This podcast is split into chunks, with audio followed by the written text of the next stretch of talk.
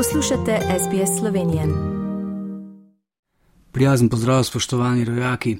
Dober teden pred prvim krogom predsedniških volitev, ki bo 23. oktober, je predsedniška tekma v popolnem razmahu. Tesna bitka za uvrstitev v drugi krog pa poteka med neodvisno kandidatko Natašo Pirc Musar in kandidatom Gibanja Svoboda in socialnih demokratov Milanom Brglezom. Med kandidati po javnomnenjskih raziskavah najbolje kaže Anžetu Logarju, tudi ker nihče od kandidatov za predsednika republike očitno ne bo zmagal že v prvem krogu, je boj za naklonjenost voljivcev seveda še toliko bolj pester in zanimiv. V supervoljivnem letu nas poleg dveh krogov predsedniških volitev do konca leta, te bodo čez dober mesec dni, čakajo še lokalne volitve, na katerih bomo izbirali 212 županov, prav tako pa bomo, kot kaže 27. novembra, odšli še na referendum, na katerem bomo odločali o zakonih o vladi, radio in televiziji Slovenija ter o dolgotrajni oskrbi. Referendum je predlagala opozicijska slovenska demokratska stranka, ki je z izvedbo predlagala sočasno z drugim krogom lokalnih volitev, kar naj bi bilo bolj racionalno in ekonomično. Toda igra v zvezi z datumi volitev in referenduma je politična in parlamentarni odbor za notranje zadeve in javno pravo je kot datum referenduma podprl 27. november. Lokalne volitve financirajo občine, predsedniške pa država, torej SDS kvečjemu lahko izvedbo referenduma predlaga skupaj z drugim krogom predsedniških volitev, vendar so rok za to z odlašanjem oddaja podpisov že zdavnaj zamudili. Sindikati so na današnjem ekonomsko-socialnem svetu, kjer stališča izmenjujejo skupaj z delodajalci in vlado, predlagali dvojno uskladitev minimalne plače.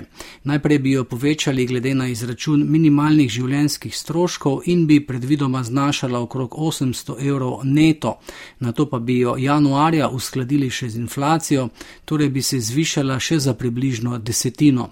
Da je treba upoštevati oba kriterija, pravijo tudi delodajalci, a si želijo administrativno preprostejšega dviga v enem koraku, pri dvigu pa povdarjajo, da je treba upoštevati tudi trenutno poslovno okolje.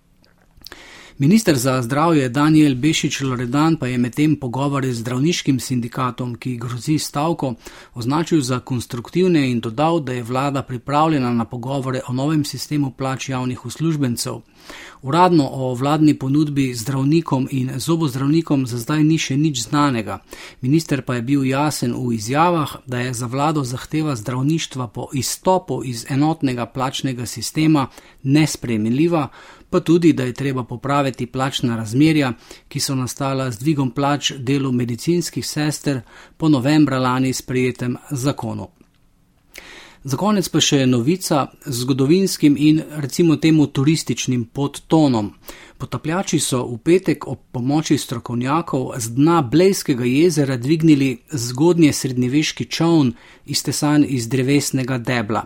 Približno 1200 let star deblak priča o plovbi po Blejskem jezeru in obiskovanju otoka že v času prve faze slovanske naselitve Blejskega kota. Deblak zdaj čaka konzervacija, potem pa naj bi svoje mesto našel v novem arheološkem muzeju na Bledu. To so bile novice za danes. Pazite na se in vse dobro do našega naslednjega slišanja za SBS ali Šlednik. Všečkaj, deli, komentiraj. Spremljaj SBS Slovenijo na Facebooku.